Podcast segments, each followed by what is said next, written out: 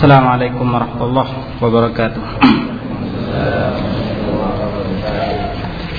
الحمد لله رب العالمين نحمده ونستعينه ونستغفره ونستهديه ونتوب إليه ونعوذ به من شرور أنفسنا وسيئات أعمالنا.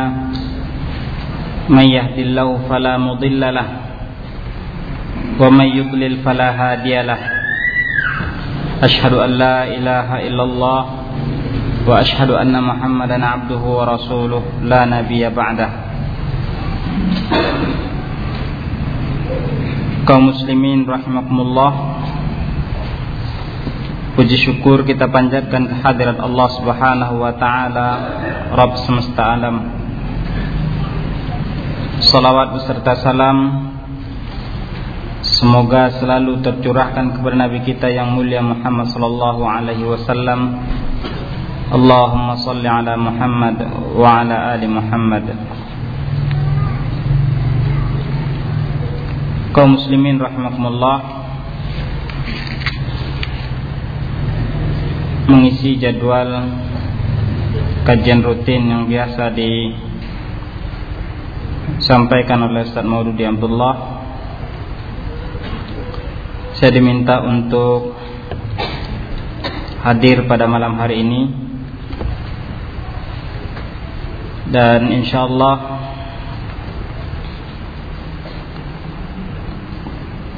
pada malam hari ini kita akan membahas salah satu bab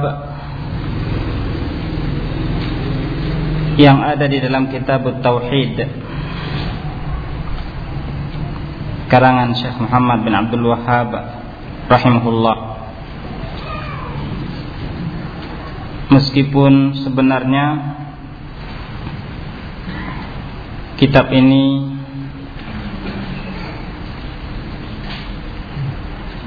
sangat pantas dan layak untuk dibaca oleh kaum muslimin secara keseluruhan. Akan tapi karena keterbatasan waktu maka mungkin bab ini saja yang bisa kita baca pada malam hari ini.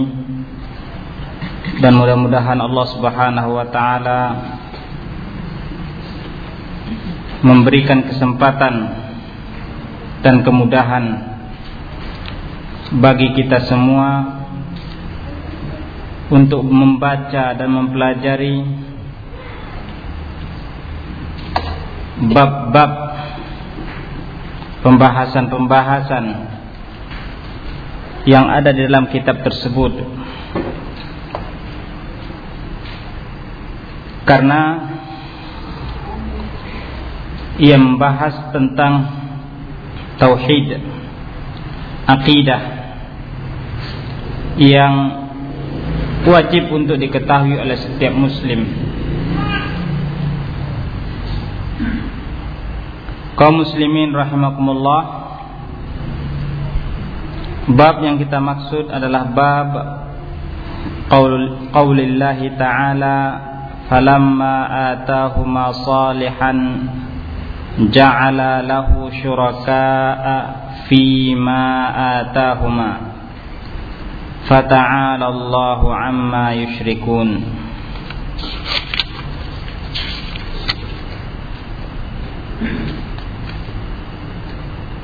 bab qaulillahi ta'ala bab berkenaan atau yang berhubungan dengan firman Allah Subhanahu wa taala falamma atahuma saliha ja'ala lahu syuraka'a fima atahuma. Fata'ala Allahu amma yushrikun dalam surat Al-A'raf ayat 190. Sebelum kita artikan saya ingin ada di antara kita yang bisa mengartikan. falamma atahuma salihan ja'ala lahu syuraka'a fima atahuma fata'ala Allahu amma yushrikun. Ada yang bisa ngerti kan ini para pelajar bahasa Arab. Banyak kursus bahasa Arab dengarnya. Atau yang sudah lama ngaji.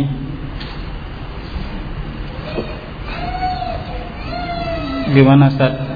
Jani Alfian? Ini banyak yang dah lama ngaji tapi tidak bisa kan?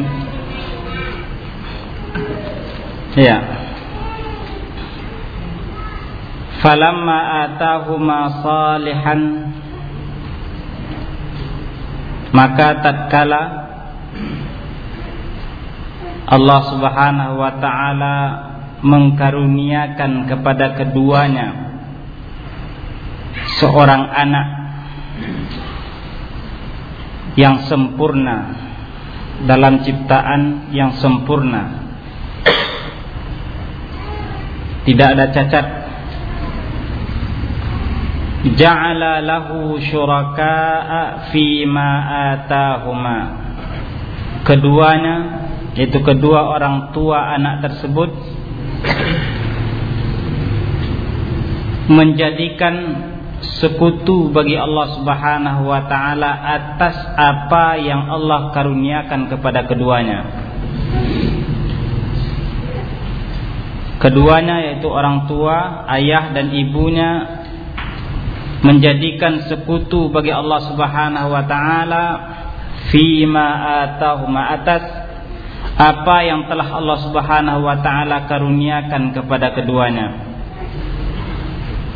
Fata'ala Allahu amma yushrikun dan maha agung Allah Subhanahu wa taala dari apa-apa yang mereka persekutukan.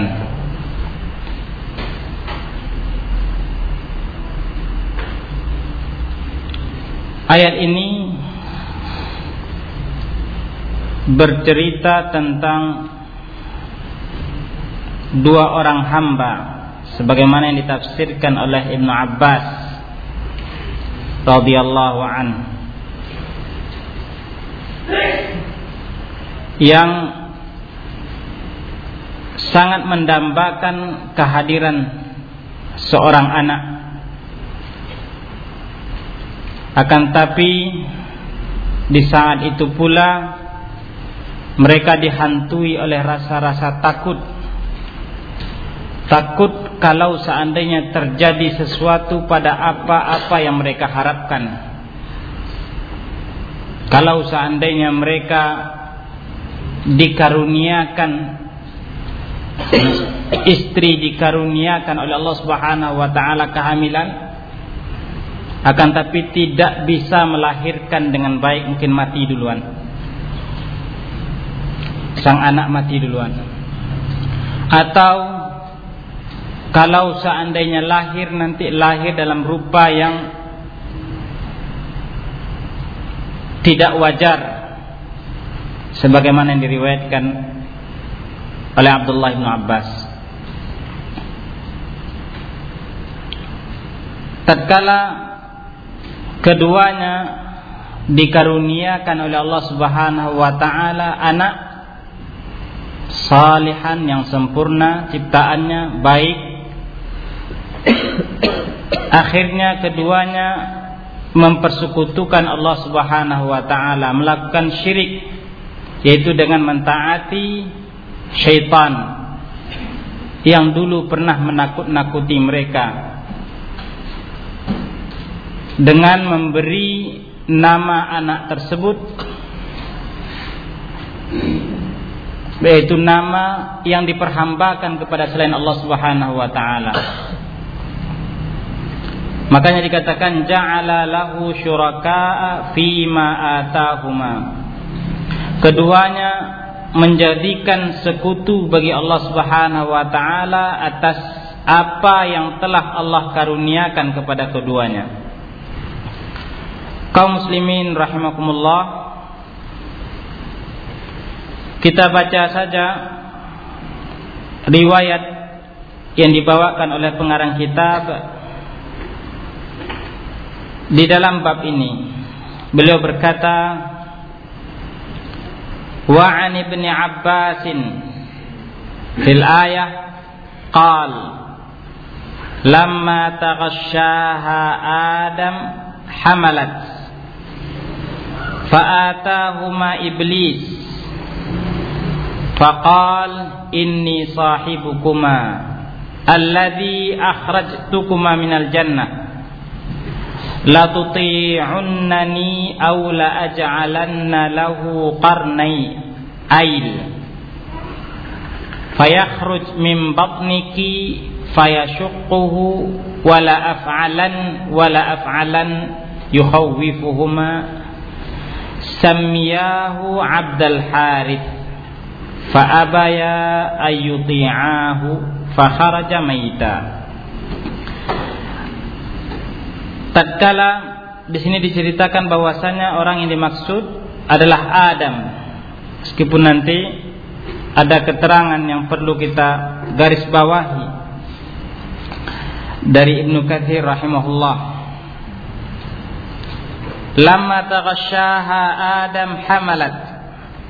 Tatkala Adam alaihissalam melakukan hubungan dengan istrinya kemudian istrinya hamil fa'atahuma iblis. Keduanya didatangi oleh iblis.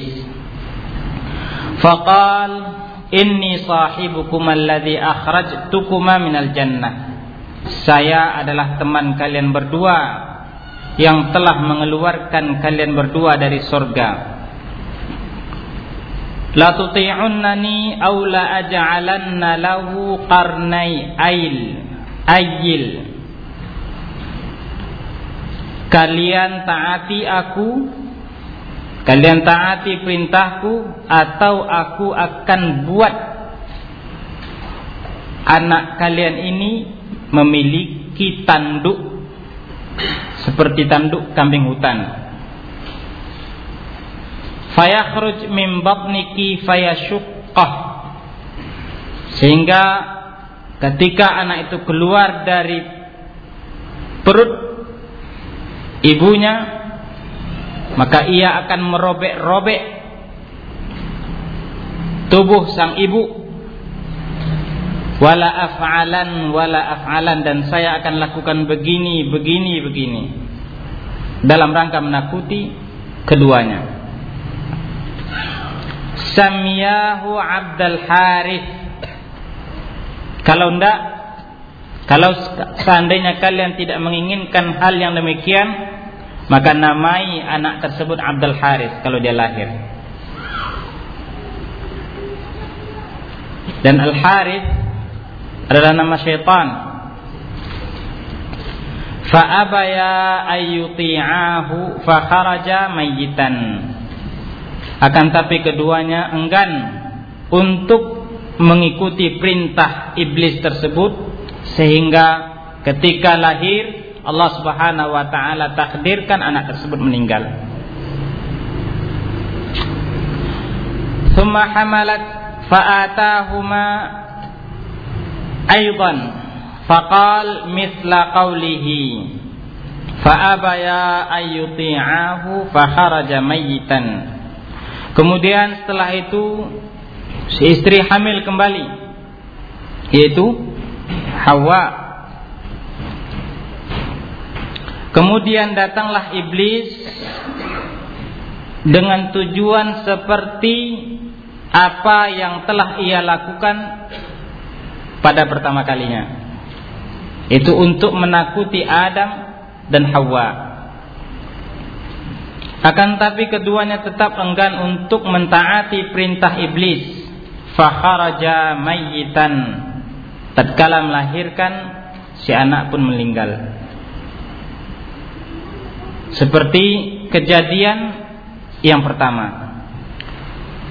Thumma hamalat fa'ata fa'atahuma fadzakara lahuma fa'adrakahuma hubbul walad fasammayahu Abdul Harith fadzalika qauluhu ja'ala lahu syuraka fima atahuma. Kemudian Hawa kembali hamil untuk yang ketiga kalinya. Dan iblis pun mendatangi mereka berdua dengan tujuan yang sama seperti yang telah ia lakukan pada pertama kali dan yang kedua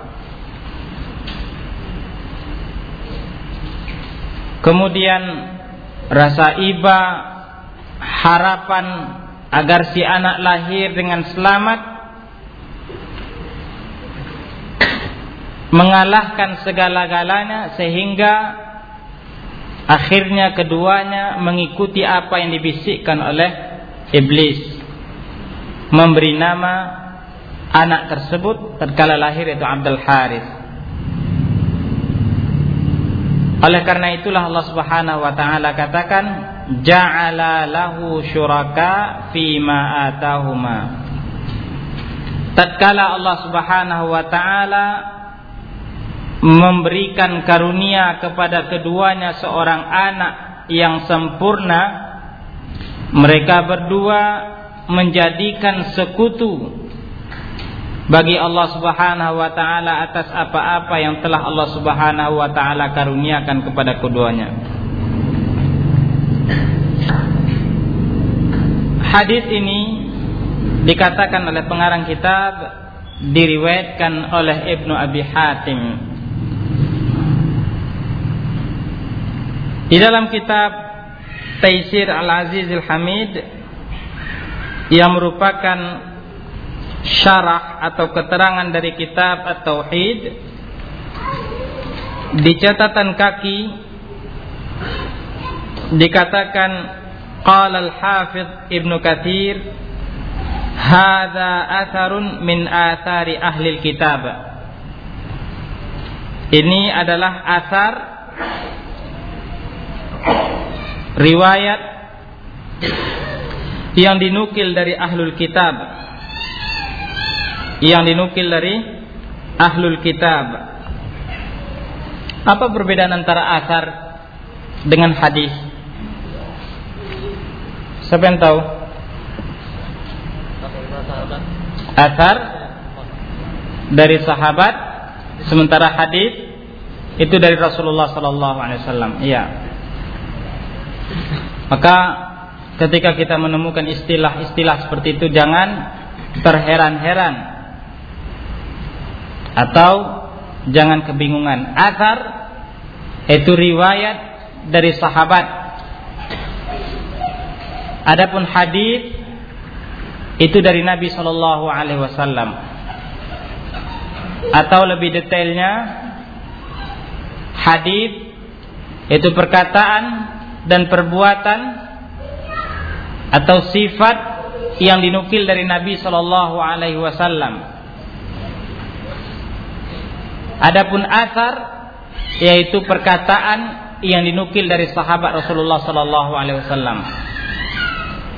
Meskipun ada sebahagian para ulama yang memakai kata-kata atau istilah asar semakna dengan hadis. Makanya kadang-kadang kita dengar dan ada asar dari Nabi Shallallahu Alaihi Wasallam. Al asar an nabawiyah dinisbatkan kepada Nabi. Itu artinya bahwasanya mereka memandang atau memahami bahwasanya asar tersebut adalah persamaan kata dari hadis.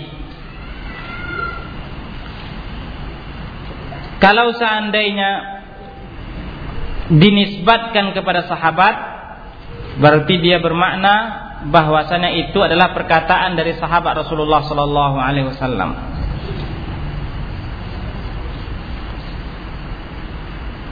Kembali kita kepada perkataan Al-Hafidh Ibn Kathir mengomentari riwayat dari Abdullah Ibn Abbas tadi tentang penafsiran ayat atau cerita ayat tersebut. Beliau berkata, "Hadza atharun min athari ahli kitab." Ini adalah asar riwayat yang dinukil dari ahlul kitab. Dan riwayat kalau seandainya dinukil dari ahlul kitab Apa sikap kita? Ah? Kalau seandainya kita mendengarkan riwayat dari alul kitab Bani Israel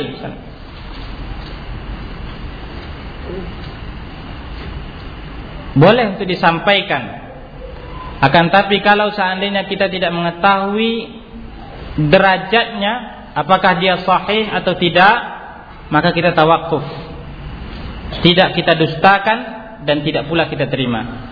Silahkan disampaikan diceritakan akan tapi untuk dibenarkan atau didustakan sebelum ada keterangan atau penjelasan tentang kedudukan riwayat tersebut maka kita tidak lakukan. Kata Ibnu Katsir waqal rahimahullah wa nahnu ala madhhabil Hasan al-Basri rahimahullah fi dan kami di dalam menyikapi asar ini itu sama dengan sikap Al Hasan Al Basri salah seorang ulama. Wa annahu laisa al murad min hadha siyaq Adam wa Hawa. Bahwasanya cerita tersebut atau riwayat tersebut tidak bermaksud menceritakan tentang Adam dan Hawa. Wa innamal murad min dzalika al musyrikun min dzurriyyati. Akan tapi maksud dari riwayat tersebut adalah orang-orang musyrik beberapa orang-orang musyrik dari anak cucu Adam, bukan Adam dan istrinya. Wallahu alam mungkin di antara alasan karena mustahil bagi seorang nabi untuk melakukan perbuatan syirik kepada Allah Subhanahu wa taala.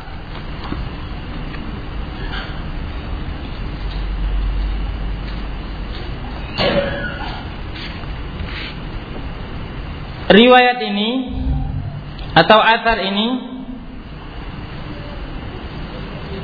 menjelaskan atau menerangkan tentang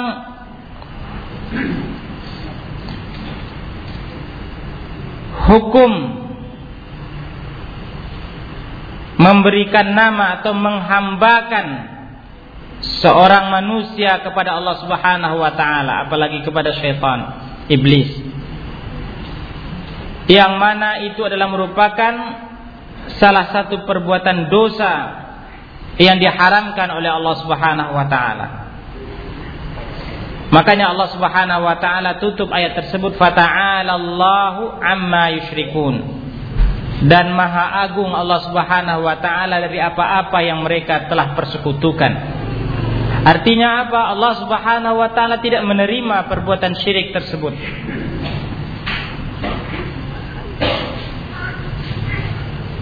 Apa jenis kesyirikan yang dilakukan oleh keduanya yaitu syirkut ta'ah. Syirik dalam masalah ketaatan. Mentaati selain Allah Subhanahu wa taala atau mentaati makhluk dalam rangka berbuat maksiat melakukan syirik kepada Allah Subhanahu wa taala yang ia termasuk di antara syirik akbar tentunya. Oleh karenanya pengarang kitab menukil perkataan Ibnu Hazm Ittafaqu ala tahrimi kulli ismin mu'abbadin li ghairillah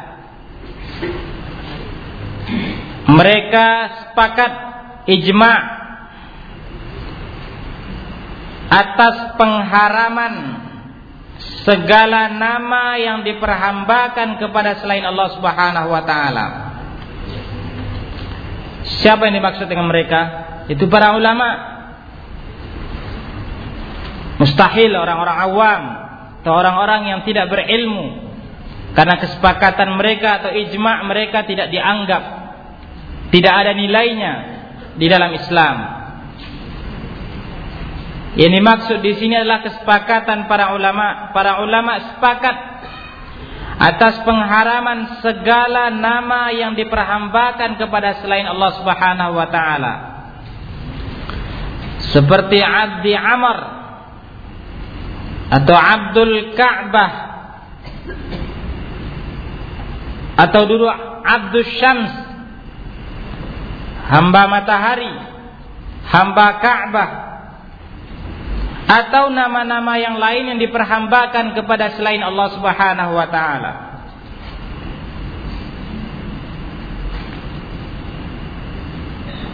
Yang ini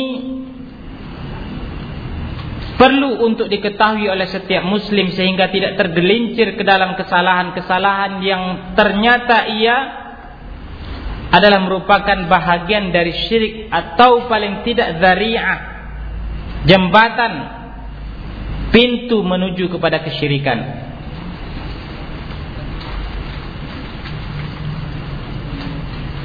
Memilih nama atau mencari nama adalah merupakan salah satu pembahasan-pembahasan di dalam Islam yang telah diajarkan oleh Rasulullah sallallahu alaihi wasallam. Nabi kita yang mulia Muhammad sallallahu alaihi wasallam menganjurkan kita untuk mencari nama-nama yang baik untuk putra-putri kita. Sehingga beliau kadangkala mengatakan bahwasanya di antara nama-nama yang paling dicintai oleh Allah adalah Abdullah, Abdurrahman. Kemudian beliau juga pernah menukar nama seorang. Ketika ia melihat nama tersebut tidak pantas tidak layak. Ketika ada seorang yang ditanyai siapa nama engkau? Kemudian ia menjawab Sa'ab atau semakna dengan itu yang berarti sulit. Kemudian Rasulullah sallallahu alaihi wasallam katakan la anta sahal enggak kamu bukan sulit akan tapi kamu adalah sahal Rasulullah sallallahu alaihi wasallam ganti namanya ini suatu pertanda bahwasanya Nabi kita yang mulia Muhammad sallallahu alaihi wasallam menaruh perhatian dalam masalah nama. Mengajarkan kepada kita untuk memperhatikan ketika memberi nama, mencari nama untuk putra-putri kita. Namun suatu hal yang sangat disayangkan banyak di antara kaum muslimin yang kurang memperhatikan bab ini. Sehingga kadangkala lebih senang untuk menamai anak-anaknya dengan nama-nama yang tidak jelas asal usulnya. Atau dengan nama-nama yang tidak memiliki makna atau arti. Hanya bertepatan Mungkin lahir di bulan Agustus Diberi nama yang ada gus-gusnya Lahir di bulan Desember Ada yang des-desnya Apa maknanya? Apa maksudnya? Padahal di belakang itu kita berharap Dalam pemberian nama tersebut Ia menjadi doa untuk anak tersebut Ada harapan di balik itu akan tapi tatkala penamaan-penamaan mengacu kepada hal-hal yang demikian, apa gunanya? Apa manfaatnya? Dan lebih parah lagi, sebahagian kaum muslimin lebih bangga untuk menamai anak-anak mereka dengan nama-nama orang-orang yang suka gemar untuk melakukan maksiat atau nama-nama yang gemar atau sering dipakai oleh orang-orang kafir di dalam menamai anak-anak mereka. Ini suatu pertanda bahwasanya banyak di antara kaum muslimin yang kurang menaruh perhatian dalam bab ini. Padahal Nabi kita yang mulia Muhammad sallallahu alaihi wasallam sangat memperhatikan bab tersebut. Lihatlah dari awal ketika sang anak atau si anak akan lahir Rasulullah sallallahu alaihi wasallam menyebutkan kullu mauludin yuladu 'ala uh, tentang masalah akikah diakikahkan pada hari yang ketujuhnya kemudian wayusamma diberi nama Kemudian apa yang telah kita ceritakan tadi Rasulullah sallallahu alaihi wasallam pernah menukar nama seseorang yang tidak sesuai atau tidak layak untuk dipanggil dengan nama tersebut. Rasulullah sallallahu alaihi wasallam juga pernah menukar nama seorang sahabat yang dulunya dinamai Abdul Syams, budak matahari atau hamba matahari. Karena ia adalah merupakan salah satu bentuk penghambaan kepada selain Allah Subhanahu wa taala. Ini satu kekeliruan yang banyak terjadi di kalangan kaum muslimin. Bahkan yang agak menyedihkan lagi ketika si anak lahir dan diberikan dengan nama-nama yang baik tersebut sebahagian orang tua beralasan sulit untuk dipanggil. Sulit untuk menghimbaunya dengan nama-nama tersebut. Karena kita bukan bangsa Arab. Lidah kita tidak terbiasa dengan bahasa-bahasa tersebut. Atau si kakek nenek dari si anak berkomentar dengan demikian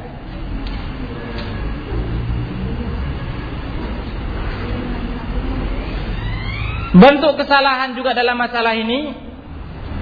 Ada kecondongan untuk mau baik sehingga memilih nama-nama yang bernafaskan Arab. Karena Arab ini identik dengan Islam. Akan tetapi tidak tahu pula apa makna dari kata-kata tersebut. Sehingga mohon maaf kalau seandainya ada yang nama seperti itu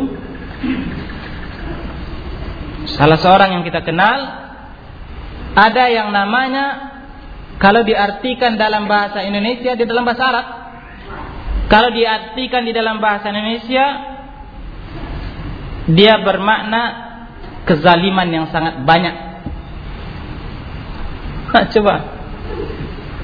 Anak dikasih nama dengan kezaliman yang sangat banyak. Kita doakan supaya dia suka berbuat zalim, melakukan perbuatan zalim yang banyak. Tatkala dia besar, jangan-jangan menjadi durhaka pada orang tua. Dan alhamdulillah Allah Subhanahu wa taala takdirkan orang yang punya nama tersebut alhamdulillah sampai saat ini kita ketahui dia baik dan peduli terhadap dakwah. Meskipun nama tersebut tidak layak, tidak pantas untuk diberikan kepada seorang muslim semestinya. Ini tentang pemberian nama yang harus diperhatikan oleh setiap muslim. Apa sebabnya? Yang pertama kan Nabi Shallallahu Alaihi Wasallam kudwatuna teladan kita dalam masalah ini sudah menaruhkan perhatian terlebih dahulu sehingga beliau mengganti nama beberapa orang sahabat-sahabatnya. Kemudian beliau juga berkata bahwasanya ahabbul asma nama yang paling dicintai oleh Allah adalah Abdullah Abdurrahman. Kadang-kadang sebahagian kita beralasan dengan alasan-alasan yang mengada-ngada. Abdullah dah banyak, Abdurrahman dah banyak, John banyak juga. banyak juga. Tidak ada masalah. Robert banyak juga yang namanya Robert. Ketika lahir diberikan Robert dah banyak ini tidak ada masalah. Ketika ketika tapi ketika akan diberikan namanya Abdullah atau Abdurrahman, alasan-alasan tersebut muncul. Nah ini. Kemudian setelah itu kembali kita kepada apa yang dikatakan oleh Ibnu Hazm sepakat para ulama bahwasanya haram atau atas pengharapan pengharaman nama yang diperhambakan kepada selain Allah Subhanahu wa taala seperti Abdul Amar Abdul Ka'bah dan yang semisal dengan itu. Hasya Abdul Muttalib selain Abdul Muttalib. Muttalib bukan nama Allah Subhanahu wa taala. Abdul Muttalib berarti penghambaan kepada selain Allah Subhanahu wa taala. Ibnu Hazm mengatakan kecuali Abdul Muttalib. Akan tapi pengarang kitab Taisirul Aziz Al-Hamid menggarisbawahi atau mengomentari kata-kata Ibnu Hazm ini. Pengecualian terhadap nama Abdul Muttalib artinya boleh untuk dinamai dengan nama Abdul Muttalib fihi nazar. Perlu untuk diteliti, perlu untuk dikaji, perlu untuk dicermati lagi. Di antara alasan-alasan orang-orang yang membolehkan pemberian nama dengan Abdul Muttalib yang padahal itu adalah merupakan salah satu bentuk penghambaan kepada selain Allah karena Nabi yang mulia Muhammad sallallahu alaihi wasallam pernah mengatakan wa ana Abdul ibnu Abdul Muttalib dan saya kata Rasulullah SAW adalah anak dari Abdul Muttalib. Maksud anak di situ adalah cucu. Dan saya adalah cucu dari Abdul Muttalib. Nabi SAW mengakui. Ini di antara alasan-alasan orang-orang yang mengatakan bahwasanya penamaan Abdul Muttalib adalah merupakan pengecualian dari apa yang telah dimukaddimahi oleh Ibnu Hazm tadi. Akan tapi kata pengarang kitab pengecualian tersebut perlu untuk dikaji. Apa sebabnya? Karena Nabi Shallallahu Alaihi Wasallam ketika menyebutkan hal tersebut bukan bertujuan untuk membenarkan penamaan atau penghambaan diri kepada selain Allah Subhanahu wa taala. Akan tapi ketika beliau menyebutkan tersebut, menyebutkan itu tujuannya tak lain dan tak bukan adalah untuk memberitahukan nama dari kakeknya. Yang tentunya tidak mungkin bagi beliau untuk mengganti-ganti nama si kakek atau kakeknya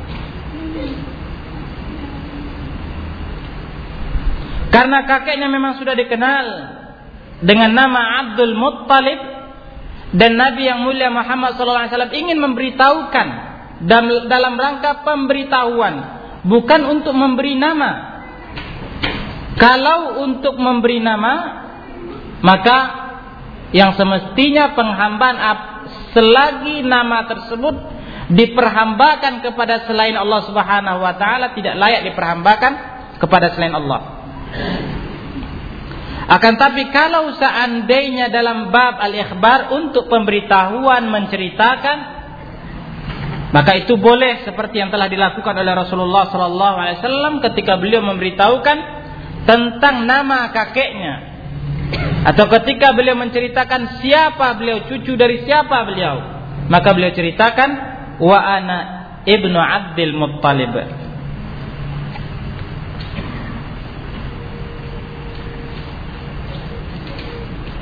ini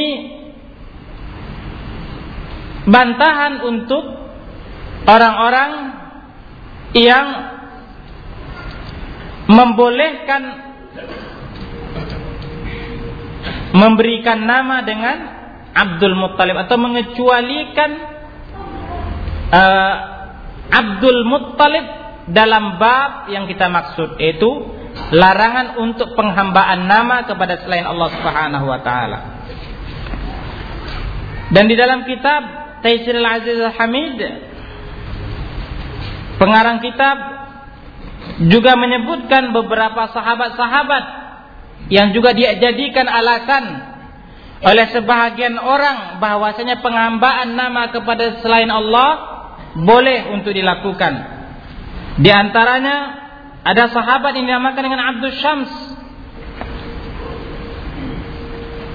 Kemudian ada juga dinamakan dengan Abdul Rukana. Akan tapi dijelaskan oleh pengarang kitab Taisirul Azizul Hamid bahwasanya sahabat yang namanya Abdul Syams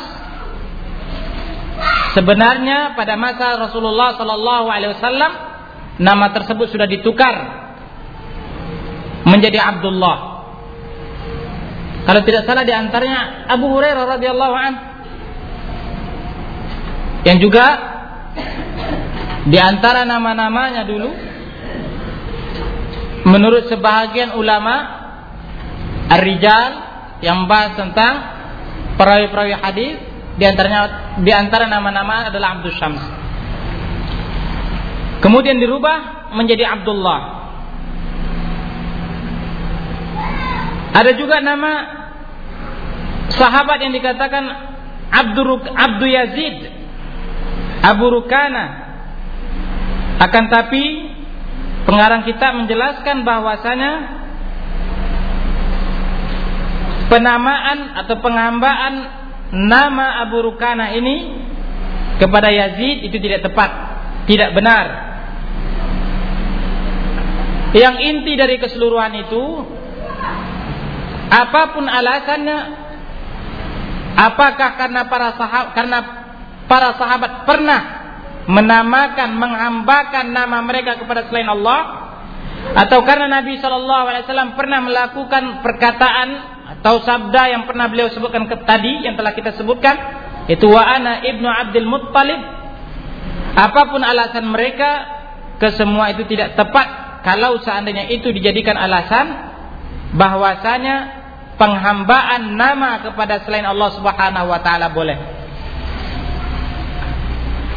Makanya Ibnu Hazm mengatakan sepakat para ulama atas pengharaman segala nama yang diperhambakan kepada selain Allah Subhanahu wa taala. Kaum muslimin rahimakumullah. Kemudian di antara hal-hal yang juga dapat kita ambil pelajaran. Sebagai pelajaran dari bab ini betapa gigihnya syaitan atau iblis di dalam menjerumuskan Bani Adam, anak cucu Adam ke dalam kesesatan.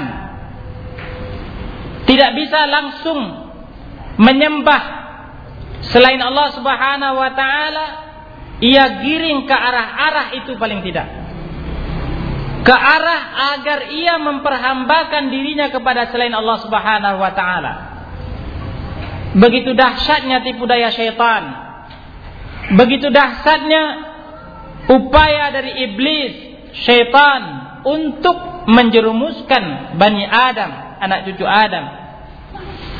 Maka sebagai seorang muslim sudah semestinya lah kita untuk berhati-hati dan selalu berusaha untuk menjauhi tipu daya syaitan. Karena tidak hanya satu bentuk jalan yang ditempuh oleh syaitan untuk menjerumuskan Bani Adam ke jalan mereka atau ke jalannya. Makanya Ibnul Qayyim rahimahullah mengarang sebuah kitab yang memuat upaya-upaya atau berbagai upaya-upaya yang dilakukan oleh syaitan untuk menjerumuskan Bani Adam agar mereka terjatuh di dalam kesesatan. Sebagai seorang muslim yang cinta kepada agamanya, cinta kepada dirinya agar tidak terjerumus ke dalam kesesatan yang selanjutnya akan berakibat kepada neraka jahanam maka sudah semestinya lah kita untuk berusaha agar selalu menjauhkan diri kita, keluarga kita dari segala macam bentuk tipu daya syaitan. Dari segala macam bentuk rayuan-rayuan syaitan. Kemudian dengan tetap berdoa kepada Allah Subhanahu wa taala agar selalu membimbing kita memberikan restu kepada kita agar selalu berada di atas jalan yang hak. Karena kalaulah seandainya Nabi kita yang mulia Muhammad sallallahu alaihi wasallam yang maksum, yang terjaga dari dosa, yang syaitan pendampingnya telah ditaklukkan oleh Allah Subhanahu wa taala. Telah ditaklukkan olehnya sehingga tidak bisa untuk mempengaruhinya.